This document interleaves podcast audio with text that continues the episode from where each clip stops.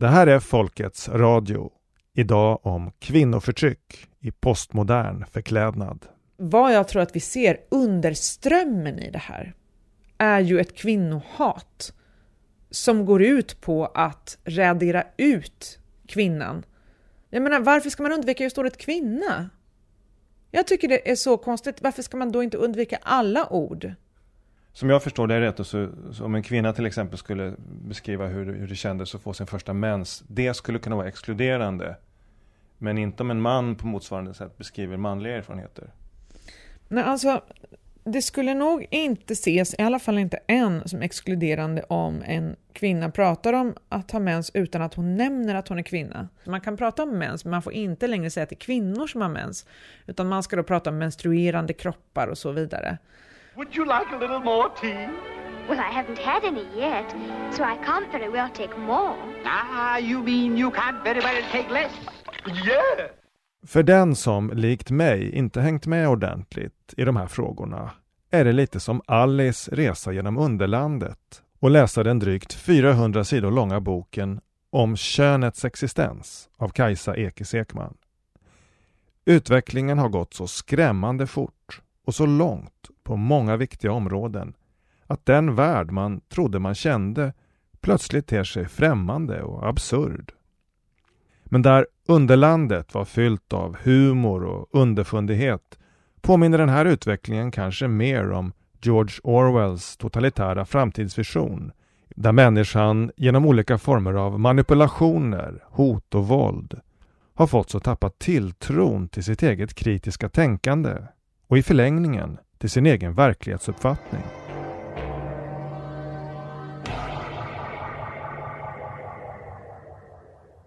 En dag i förra veckan fick jag tillfälle att sitta ner en stund med författaren. Hon betecknar sig som socialist och feminist. Men hennes frispråkighet har gjort henne många och mäktiga fiender som anklagar henne för att vara reaktionär och transfientlig. Vår intervju kom att handla om den explosionsartade ökningen av könskorrigerande operationer, om ett extremt hatiskt och polariserat debattklimat och om attacker och hot mot feminister som hon själv. Ja, du kan ju säga först uh, for the record vem du är. Ja du, det där är en existentiell fråga. Hur ska man veta det? Jag kan säga vad jag heter.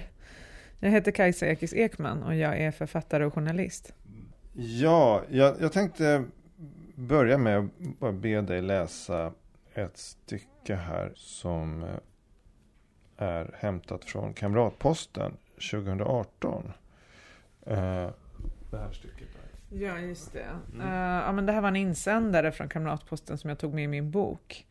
Och då skriver en person till Kamratposten så här. Tjo, jag har hela mitt 12-åriga liv känt mig som en kille i en tjejs kropp. Jag vill ha kläder från killavdelningen och vill vara killkaraktär i olika sammanhang. Jag försöker dölja mina bröst och känner ångest inför mensen. Jag mår psykiskt dåligt över att jag fötts som tjej, men vågar inte berätta det för någon. Hur ska jag kunna berätta att jag är trans? Och då svarar då KPs kropp och knopp så här.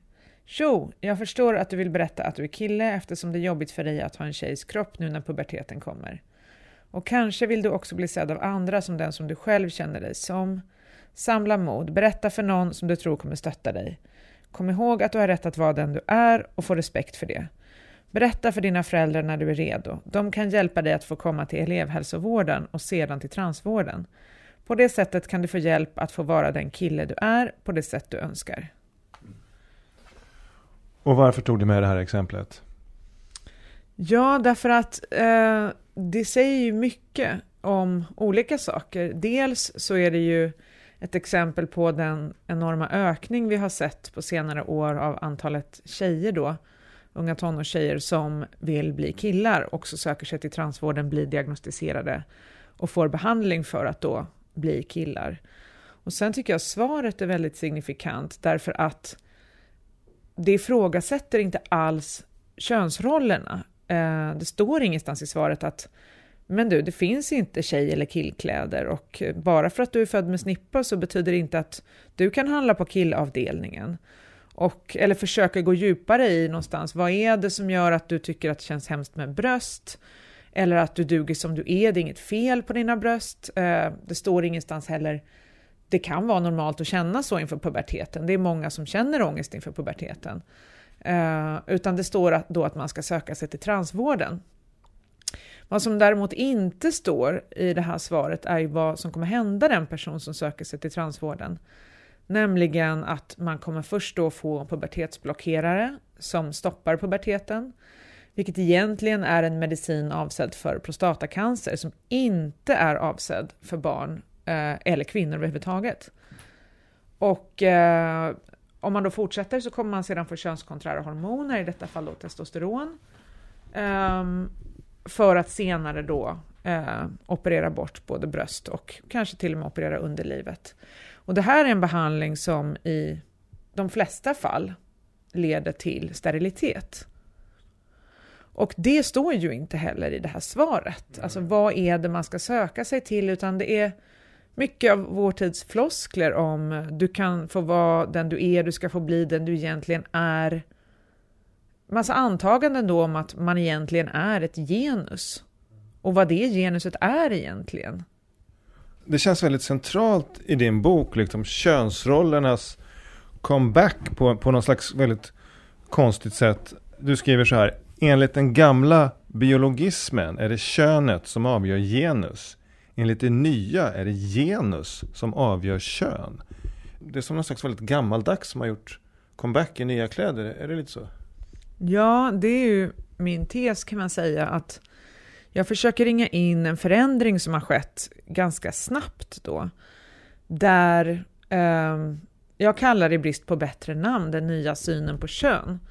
Som just går ut på på något sätt att byta plats på kön och genus. Att ja, om man då för länge sedan sa att den som är född till kvinna bör vara kvinnlig, den som är född till man bör vara manlig. Sen bröts det här upp, könsrollsdiskussionen på 60-talet och så vidare, då man sa att nej, vi ska göra oss av med förlegade könsroller, alla ska få vara som de vill. Um, och feminismen då kom upp med de här orden, kön och genus, för att skilja då på det biologiska könet och då det som samhället har konstruerat som man kallar genus, liksom, med ett samlingsnamn. Och vad som händer nu i mångt och mycket är ju att man säger att genus är medfött, men det har ingen koppling till kön. Så att man kan vara född liksom med en kvinnlig identitet, vad nu det är. Um, men då ska kroppen följa efter, så det blir fortfarande den här saken att kön och genus ska liksom höra ihop, att det finns någonting som är kvinnligt. Och att det ska då sitta på en kvinnokropp. Och om man inte har en kvinnokropp då ska man liksom skaffa en. Eh, men på något sätt blir ju det ändå att man för tillbaka de här stereotyperna um, kring kön och vad kön är. Du citerar här ur eh, barnboken Understanding Transgender. Eh, citat. Bokens exempel är en ung flicka som citat känner sig konstig när hon beter sig som en flicka förväntas göra. Hon känner sig inte som en flicka på insidan och ogillar flickaktiga saker som rosa glitter, långt hår och dockor. Detta betyder enligt boken att hon inte är flicka utan transkille. Den är således flicka som tycker om rosa glitter oavsett könsorgan. Det, det jag har svårt att förstå det är liksom, hur har man fått med sig till exempel vänstern på det här och liksom en betydande del också av, av de som kallar sig feminister. Ja, att man har fått med sig feministerna är ju det konstigaste för att feminismen har ju liksom gått ut på att vara emot det här. Liksom. Och nu kommer det tillbaka liksom bakvägen. Och jag tycker det är svårt att få egentligen någon diskussion om sakfrågan här. Alltså, ofta så undviker man, tycker jag, i debatten sakfrågan, utan man talar mycket om tolerans och det gäller att vara tolerant mot transpersoner, men det handlar ju liksom inte om det, utan här pratar jag om, om liksom ett helt samhälle som vill få in det här könsrollstänkandet igen. Um, och jag, jag, har faktiskt svårt att förstå hur man kan köpa det. Jag fattar inte riktigt det faktiskt. It is graphic and it has been bleeped for a, a family audience, uh, but here's just a sampling of it. Whoa! Yes! Whoa! yes, the Donald is good! Whoa! oh, my man! You are a in your store, they let you do it. You can do anything. Whatever you want. Grab them by the Ja, eh, Donald Trump skulle ju precis bli vald till president eh, och sen så dök den här eh, inspelningen upp där han skämtar om att han är känd så han kan bara grab them by the pussy och det kan ingen säga emot för han är ju värsta grejen och känd och allting. Och då så exploderade USA i ilska och sen så var det en feminist som heter Krista Sue som virkade då en fittmössa som svar då på det här och sen så skulle de ha en Women's March där de skulle gå ut och protestera mot det här att Donald Trump hade sagt så. Eh, men då var det massor av skribenter i tidningar och till och med företrädare för Women's March i olika städer som sa att vi avråder från att ta på er de här fittmössorna. Eh, vi vill inte ha vulvacentrerade plakat därför att det utesluter människor som inte då har det könsorganet. Eh, problemet var ju att det var ju precis det könsorganet som Trump hade pratat om. Eh, så att det var ju liksom just de personerna som hade det könsorganet som var eh, ska man säga, liksom diskriminerade eller attackerade i det här uttalandet som han hade gjort. Så det är ju den gruppen vi pratar om. Så att man kan alltså attackera den här gruppen, men den gruppen kan då inte slå tillbaka, för det är exkluderande om de slår tillbaka. These boots are made for walking, and that's just what they'll do. One of these days these boots are gonna walk all over you.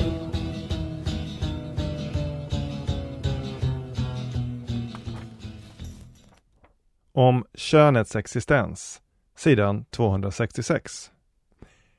Ordet kvinna har blivit problematiskt. I allt fler sammanhang ersätts kvinna med fittbärare, livmoderbärare eller menstruatörer. Och, och du, du, skriver också att de här nyorden då som man försöker föra in, de har inte riktigt den här potentialen att vara liksom en, en enande faktor i en, liksom i en social kamp. Nej, alltså det är väl ingen som vill kämpa liksom för menstruerade. Vad skulle det vara? Alltså, jag vet inte om man kan ta liksom liknelser med andra kamper. Om man tar till exempel arbetarnas kamp eller svarta människors kamp så talar ju vi om många frågor som kommer samman i en helhet. Om man då bryter det här, liksom, att man får inte säga liksom, vad gruppen heter, man ska prata om sakfrågorna som att de var helt separata då. Det är ju svårt. Um, alltså, tänk dig om man då ska bedriva arbetarkamp, man får inte säga ordet arbetare. Så man ska liksom prata om lönefrågan på ett sätt och så ska man prata liksom om uh, eh, ja, utsattheten på jobbet, man ska prata om liksom, olyckor på jobbet, man får inte nämna det här ordet, man måste gå runt det, man försvårar ju ganska mycket. På samma sätt då om man ska prata om svartas kamp, då ska man prata om polisvåld mot några bara som vi inte får prata om och sen ska man samtidigt prata om diskriminering mot några som vi inte heller får prata om. Alltså hur, hur skulle det då gå att formulera? För att kvinnofrågan innehåller ju så mycket, alltså det är ju Visst, det innehåller liksom frågor om menstruation, särskilt i länder där det fortfarande liksom är tabu, så man inte får beröra vissa hela platser när man har mens till exempel. Men det berör ju så otroligt mycket mer. Det berör ju diskriminering på arbetsplatsen, det berör fysiskt våld, sexuellt våld, eh, hela uppväxten, kvinnorollen, eh, alltså kvinnosjukdomar, forskningen som är eftersatt, trakasserier, alltså det är så många frågor i en. Det går ju inte att förstå kvinnoförtrycket om man inte förstår vilka det är som är förtryckta och varför. Hur tycker du att den här debatten förs och hur tycker du att du har blivit bemött av meningsmotståndare? Ja, alltså ofta, vad som händer är så här till exempel, i den här frågan om eh, liksom, könsidentitet, kön, genus, eh, trans och så vidare. Eh, och det har jag sett i många länder. Det börjar så här liksom att feminister börjar säga emot det här. Um, de säger, men vänta stopp, vad är det som händer? Ja, precis det jag säger. De blir bemötta med extremt mycket hat. Alltså, det är inte bara hat, det är dödshot, de blir misshandlade, de blir av med jobben, de blir liksom helt ja, men excommunicated från sina sociala politiska sammanhang. Uh, och liksom, de blir sällan bemötta i sakfrågan. Utan det är så här, ja men det här är transfob, den ska bara bort. Alltså, och jag tycker mig se samma sak här i Sverige. Alltså, när jag får till exempel meddelanden sådär från folk som inte tycker som mig, så säger de åh nej, du är transfob. Jaha, liksom säger jag, varför då då? Har du läst min bok? Nej, det tänker jag inte göra heller. Nej men okej, då kan du ju inte veta vad jag tycker, så här, du kanske borde läsa den. Nej men det, det skiter jag i, liksom fuck off. Alltså det är väldigt mycket så, det är sällan man får så här, bli bemött i sakfrågan. Vad jag tycker händer då politiskt organiskt, och det här är stora problematiken som jag ser hända i andra länder, det är då att när till exempel stora delar av feminismen eller vänstern då liksom stöter ut de här feministerna då som tycker som mig, eh, så står högern där och drar i de här feministerna liksom och säger kom till oss. Och då ser jag liksom en efter en, då bara, ja ah, men okej jag kommer dit istället för där får jag säga vad jag tycker och där eh, är det ingen som trycker ner mig liksom. Och det är så otroligt olycklig politisk utveckling. För jag menar, så här, jag vill ju inte hamna där. Jag är ju inte höger, jag är ju vänster. Alltså, jag är ju socialist. Man gräver ju sin egen grav på det här sättet.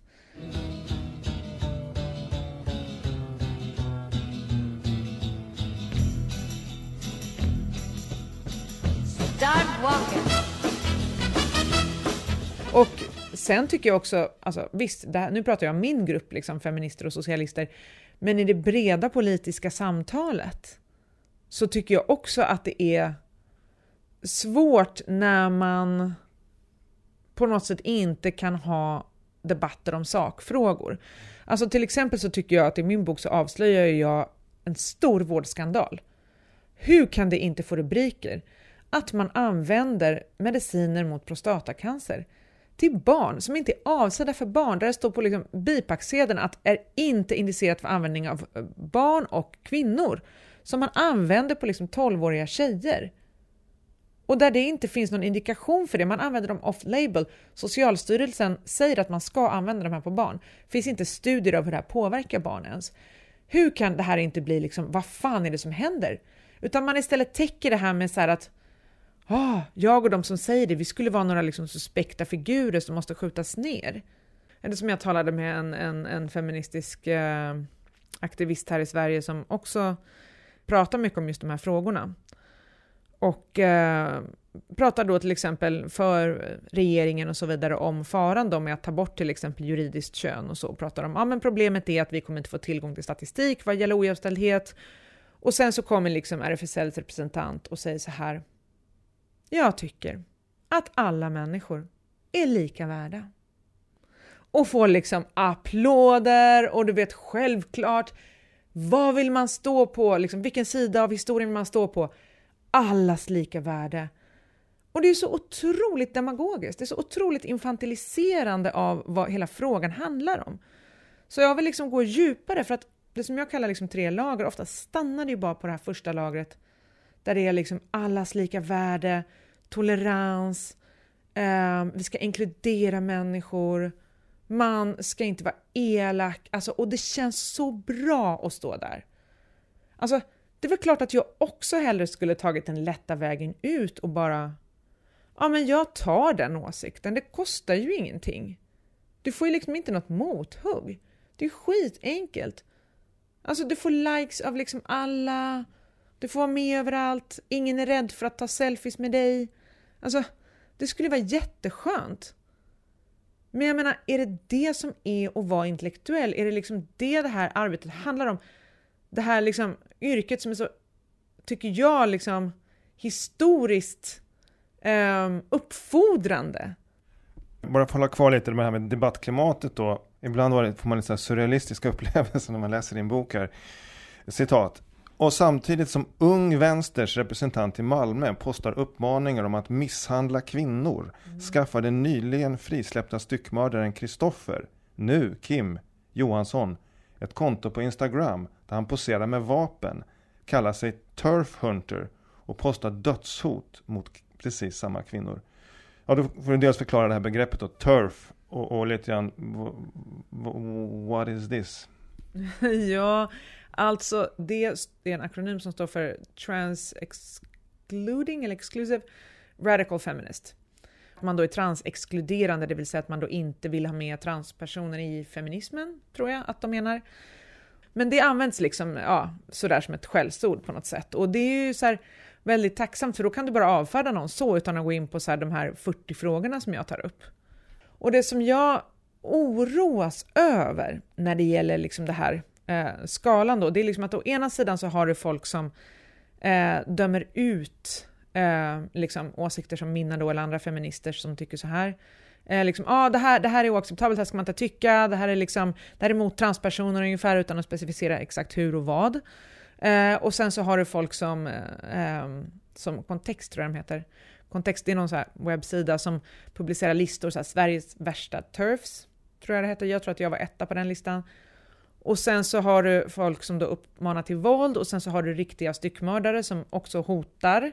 Och han har blivit fälld nu för att han har hotat eh, diverse feministiska journalister med våld. Och även kontaktat deras manliga partners och sagt att liksom, du måste säga åt din kvinna att vara tyst för att annars, du vet vad jag är dömd för, inte så smart att, du uttalar, att hon uttalar sig på det här sättet. Så att liksom, jag tror kanske de i ena änden av den här skalan, de som bara, bara säger liksom åh, så här borde hon inte säga. Jag tror kanske inte de fattar att liksom, det blir sen i slutet av skalan, alltså riktigt allvarligt, när man inte kan ha en debatt om sakfrågorna. Så jag önskar liksom att man bara kunde kanske lugna ner retoriken lite grann och så här, inte, för det blir farligt när man börjar döma ut människor som turf och transfob. Det blir väldigt hatiskt och våldsamt i slutändan.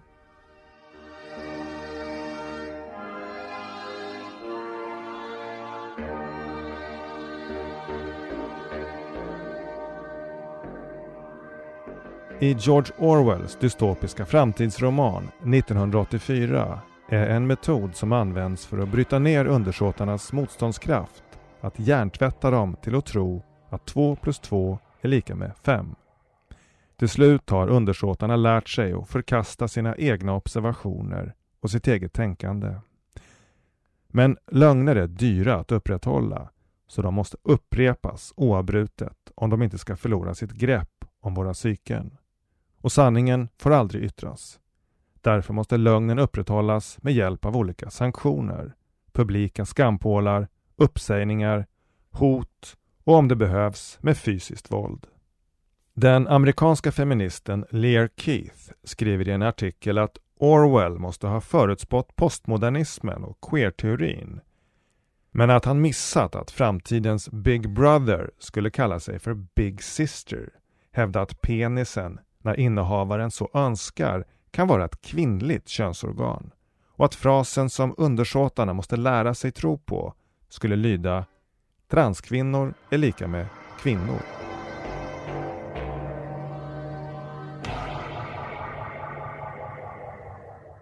Jag tänkte be dig läsa ett till stycke ur, ur din bok. Eh, här, jag har kallat om. Just det, det här med bindel, ja, det var inte kul för henne. Uh, och när den lesbiska feministen Julie Bindel attackerades av en skäggig man i juni 2019 var det en händelse som vanligtvis skulle läsas som mäns våld mot kvinnor, tillika hatbrott mot homosexuella. Men då mannen hävdade att han är kvinna suddades denna maktanalys helt ut. Mannen visade sig vara en ettrig twittrare som dessutom kallar sig Cathy Brennan efter en känd lesbisk feminist. Progressiva debattörer ställde sig på hans sida och menade att Bindel enbart genom sina åsikter hade utövat våld. Här sker en symbolisk reversal, kusligt lik den som kan ske inom misshandelsförhållanden där våldsutövaren tar på sig offerrollen och menar sig vara den utsatte. Det, det är ju näst, också nästan lite så här surrealistiskt, får man inte ha några förkunskaper om det här, men, men alltså det är en man som misshandlar en kvinna, yeah. men han upplever sig själv som kvinna mm. och då får han med sig massa progressiva sympatisörer. Mm. Precis, alltså problemet är ju då att det finns ju inte ens någon definition inom den nya synen på kön vad som ska betraktas som en kvinna, utan konsensus tycks vara att den som tycker att han eller hon är det, är det. Och det betyder att du kan gå runt på stan då som den här personen gjorde liksom med skägg och allt och säga så här, ja men jag är kvinna, jag är faktiskt transkvinna. Hon var på väg ut från ett offentligt möte hon hade hållit och han liksom var del i en hatmobb som då attackerar henne fysiskt jag kommer ihåg, för jag träffade henne dagen efter det hade hänt i Schweiz. Och jag kommer ihåg att hon var helt nedbruten av det här och det var så jobbigt för att inte nog med att hon hade blivit attackerad, skitläskigt, utan dessutom så var det massa människor då i sociala medier som menade på att hon hade genom att hålla det här mötet utövat symboliskt våld.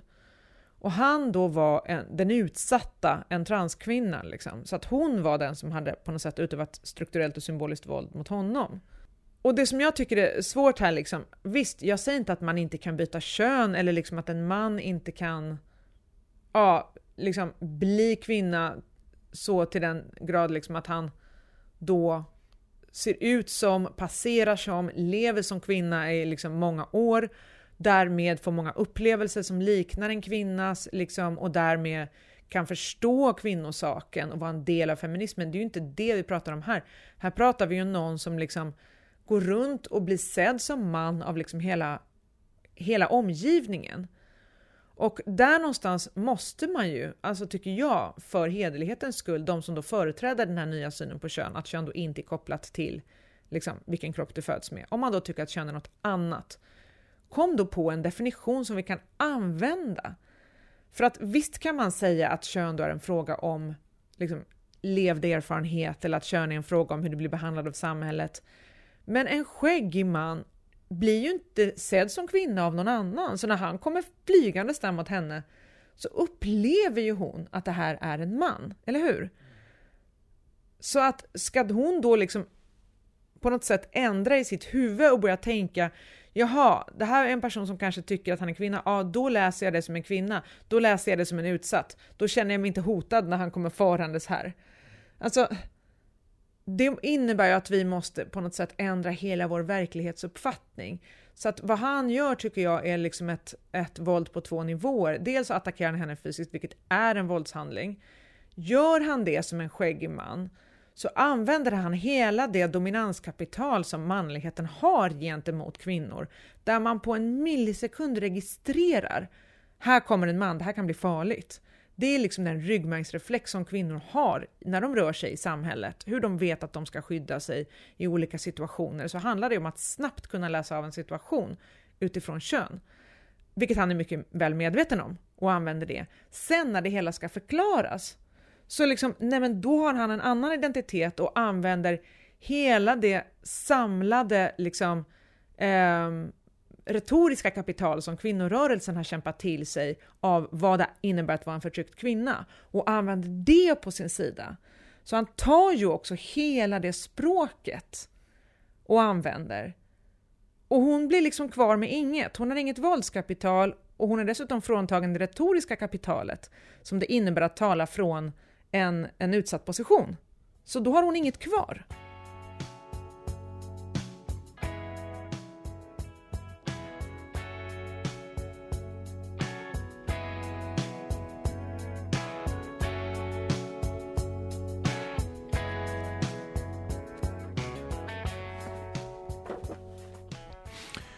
Om könets existens, sida 9.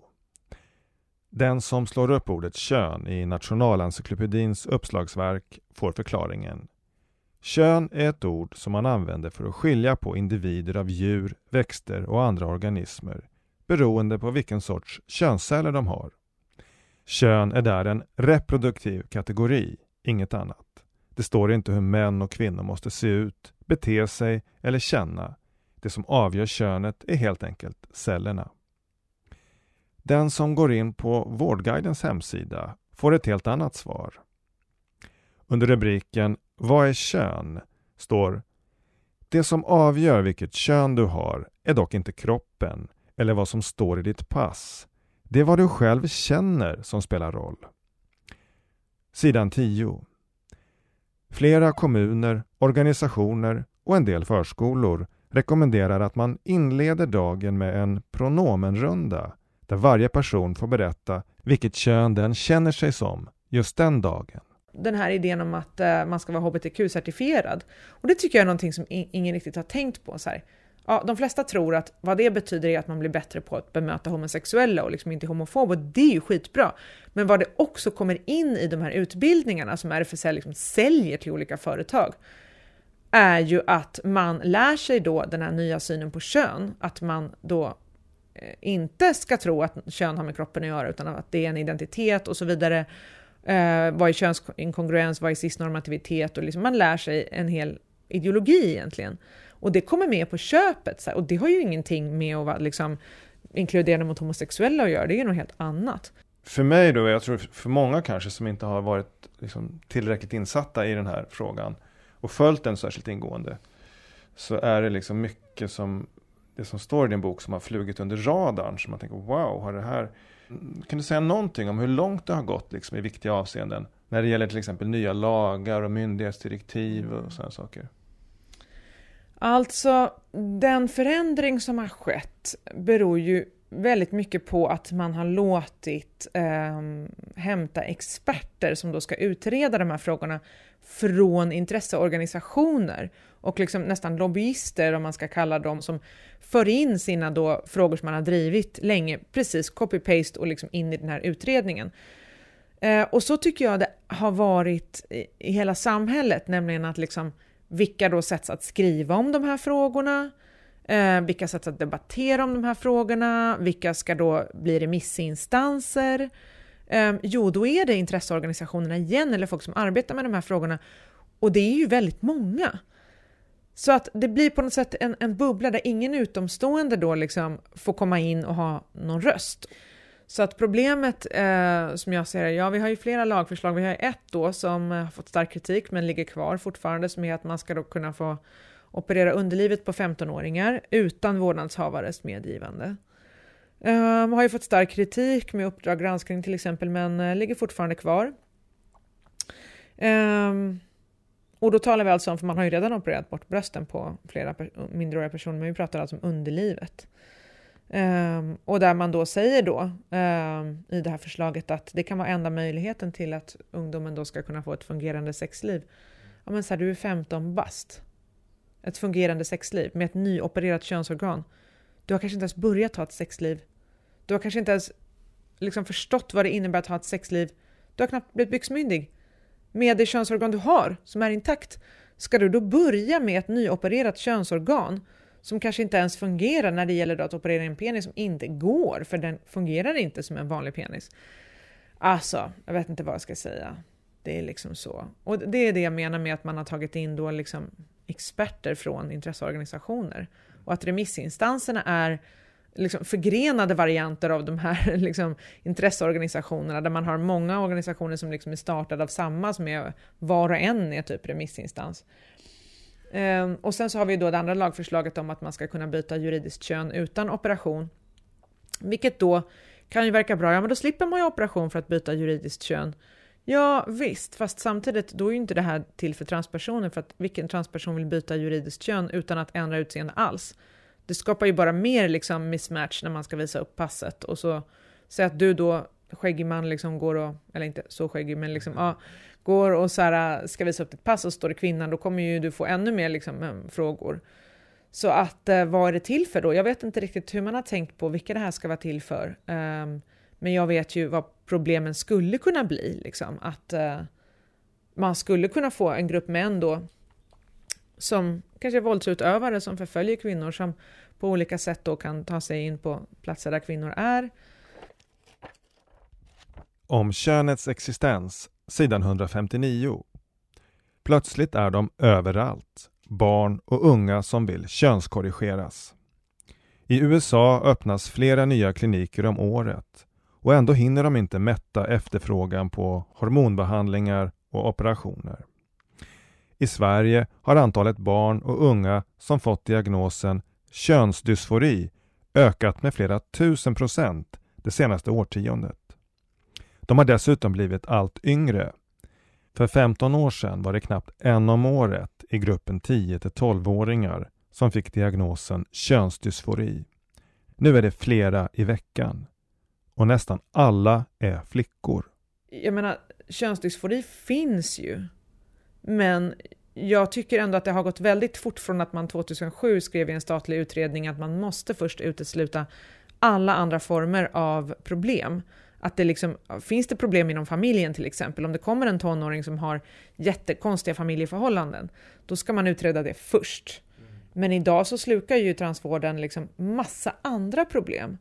Och där man också ser en så otroligt överrepresentation av till exempel anorexi, Um, och där vissa psykologer menar på att har det här blivit det nya kriget mot kvinnokroppen, där man då går från att svälta sig på puberteten, som har varit ett motstånd mot att utveckla kvinnliga former, och att liksom inträda i det här samhället, och skapa någon slags kontroll då när man känner att kvinnokroppen tillhör inte en själv så man måste liksom ta tillbaka den genom att trycka ner den, vilket i sin tur kan vara en reaktion på övergrepp och sånt. Och sen så har det blivit nu med, med det här att det också är en, en typ av krigföring mot kvinnokroppen. Sen säger jag inte att det är det i liksom samtliga fall eller att så här, det är det här det egentligen handlar om. Så här, nej, det är det inte, utan det kan finnas många, många, många saker här. Men det blir fel när man inte säger vänta och ta det lugnt. För att de här förändringarna man gör är ju återkalleliga. Man får inte brösten tillbaka. Och det är det som jag tycker är så... Alltså, varför säger ingen det här? Tittar man på studier så visar ju många studier på att de här operationerna inte hjälper utan att fler mår sämre efteråt. De hjälper i den mån att man upplever ökad könskongruens, det vill säga att det inre då upplevda könet stämmer överens med den kropp man nu har. Men det, måendet förbättras inte alltid, utan det finns till och med indicier på att det försämras. Man behandlar unga människor som av olika orsaker, skulle jag säga, ehm, vill transitionera till det andra könet. Alltså det kan vara genuin könsdysfori som kommer hålla i sig över tid, men det kan man inte veta när någon är 12 år. Ehm, men det kan också vara andra psykiska problem. Det kan vara att man känner sig homosexuell och inte vågar liksom stå för det. Ehm, det kan vara motstånd mot kvinnorollen. Det kan vara många olika saker. Samhällets svar på det här har ju inte varit att liksom vänta nu, nu måste vi kolla varför ökade så mycket som liksom över 6000 procent i vissa åldersgrupper och vissa städer. Någonting har ju hänt. Kan det vara sociala medier till exempel? Utan man har bara satt gasen i botten.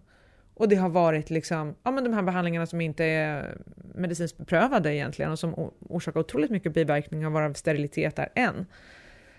Så att det är ju någonting som när jag har träffat människor som har varit utsatta för de här behandlingarna och som säger liksom att de kom in i någon slags bubbla där de bara “jag måste ha det här, jag måste ha det här” och de drev på och liksom fick de inte behandlingen så skulle de söka liksom hormoner på nätet och de tjatade på sina föräldrar och de sa “jag kommer ta livet av mig om jag inte får det här”.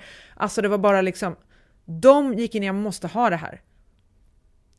Alltså, och det har ju alla som har varit tonåringar kanske haft någonting som man bara har varit så bestämd över. Men man får ju inte till exempel ens göra en tatuering innan man fyller 18 just för att det är så här, ah, man, hjärnan är inte färdigväxt och den delen som kan se konsekvenser är inte färdig förrän man är 25 år. Så man får ju inte frivilligt sterilisera sig förrän man är 25 år.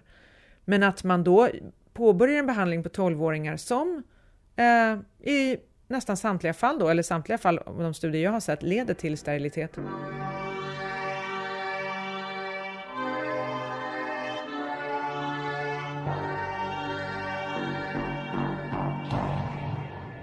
Och språkbruket också har smugit sig in väldigt snabbt.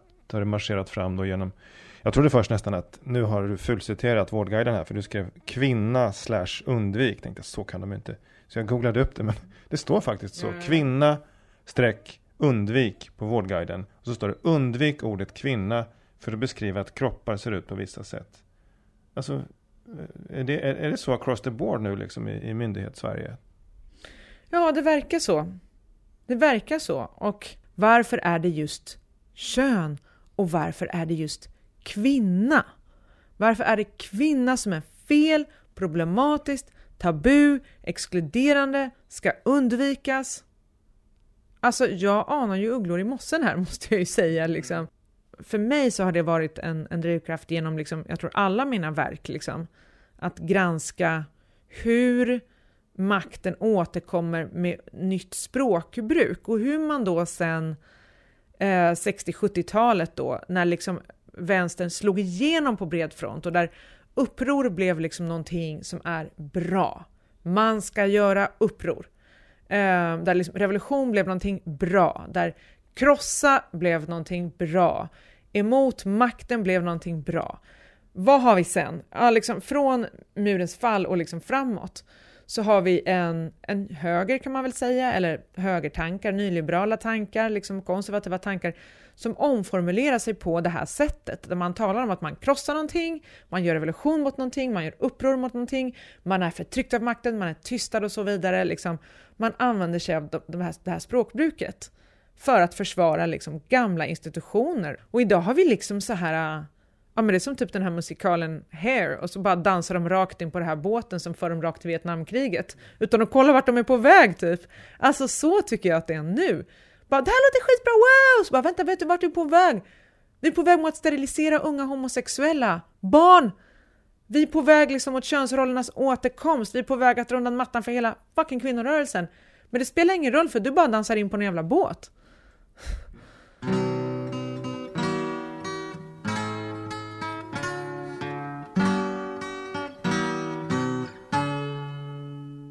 Allra sist här bara, jag tänkte också när vi är inne på språk och det, det är många nyord i din bok. Turf till exempel var nytt för mig.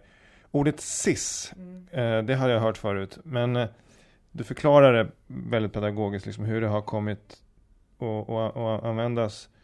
För där plötsligt så får man prata om, om kvinnor. Men, men som cis-kvinna, kan du förklara? Ja, alltså cis egentligen betyder ju bara motsatsen till trans, så det ska ju bara vara liksom ett ord för att beteckna någon som inte är trans, men vad det har kommit att betyda och vad liksom det definieras som enligt nationella sekretariatet för genusforskning till exempel är ju en person som då har tilldelats, som man då säger också nyspråk, det vill säga att när du föds så observerar de vilket kön du har. Det kallas att du tilldelas ett kön, som att det var liksom någon, någonting som läkaren typ, eller barnmorskan gav dig. Eh, att du sen eh, identifierar dig själv som det könet, vilket jag tror att de flesta, liksom, ja, kanske din mammas generation, aldrig ens har tänkt på att man kan identifiera sig som något kön, man är ett kön. Alltså, och att du beter dig enligt det könet och trivs i din liksom, könsroll och könsidentitet. Så att liksom, man skapar en bild av att då 99% av befolkningen är cis-personer och det innebär att de har inga, de har aldrig reflekterat över sin könsidentitet, de har aldrig tänkt på det, de trivs, de har det jättebra med könsrollerna. Så vad man egentligen säger då är ju att könsroller eller könsidentitet är bara ett problem för de få människor som blir transpersoner. Så man normaliserar könsrollerna för alla andra. Och därmed tar man ju bort den feministiska kritiken som går ut på att kön och genus i ett patriarkalt samhälle ställer till det för alla människor. Och när man säger då att man är en cis-person, om man liksom enligt de här kriterierna ungefär inte är trans, så säger man ju att liksom, ja, en eh, nioårig flicka i något land som gifts bort, hon är en cis-person, det vill säga hon är nöjd och trivs med sin könsroll. En homosexuell man i Uganda, som egentligen kan bli straffad med döden, han är en cis-person, eh, för han eh, liksom, eh, vill inte byta kön. Förstår du? Liksom en, en, en kvinna som blir förtryckt och slagen i sitt äktenskap, hon är en cis-person. Alltså, så man gör sig av med hela den feministiska idén om att kön är, eller genus är ett förtryck. Allra sist här så skulle jag vilja be dig läsa ett stycke om cis. Ja, Eh, precis. Mm, då ska vi se här. Eh, Det är absolut förbjudet att säga kvinna och enbart mena biologiska kvinnor. Dock finns ett tillåtet ord för att tala om precis samma grupp, men med ett obligatoriskt prefix, cis, som betyder privilegierad. Det går så, således enligt denna terminologi enbart att tala om gruppen biologiska kvinnor i betydelsen privilegierad grupp. Vips har kvinnan avskaffats som förtryckt grupp och återuppfunnits som privilegierad. Och vips har definitionen av den mest förtryckta blivit den som är född med penis. Alltså okej, det där är ju lite tillspetsat kanske, men... Det eh, låter ju som ett jättebra trolleritrick. Ja, men det är ju ett trolleritrick. Alltså det är ju retoriska trollerier. Det är väldigt genialiskt uttänkt egentligen. You can see it if you try.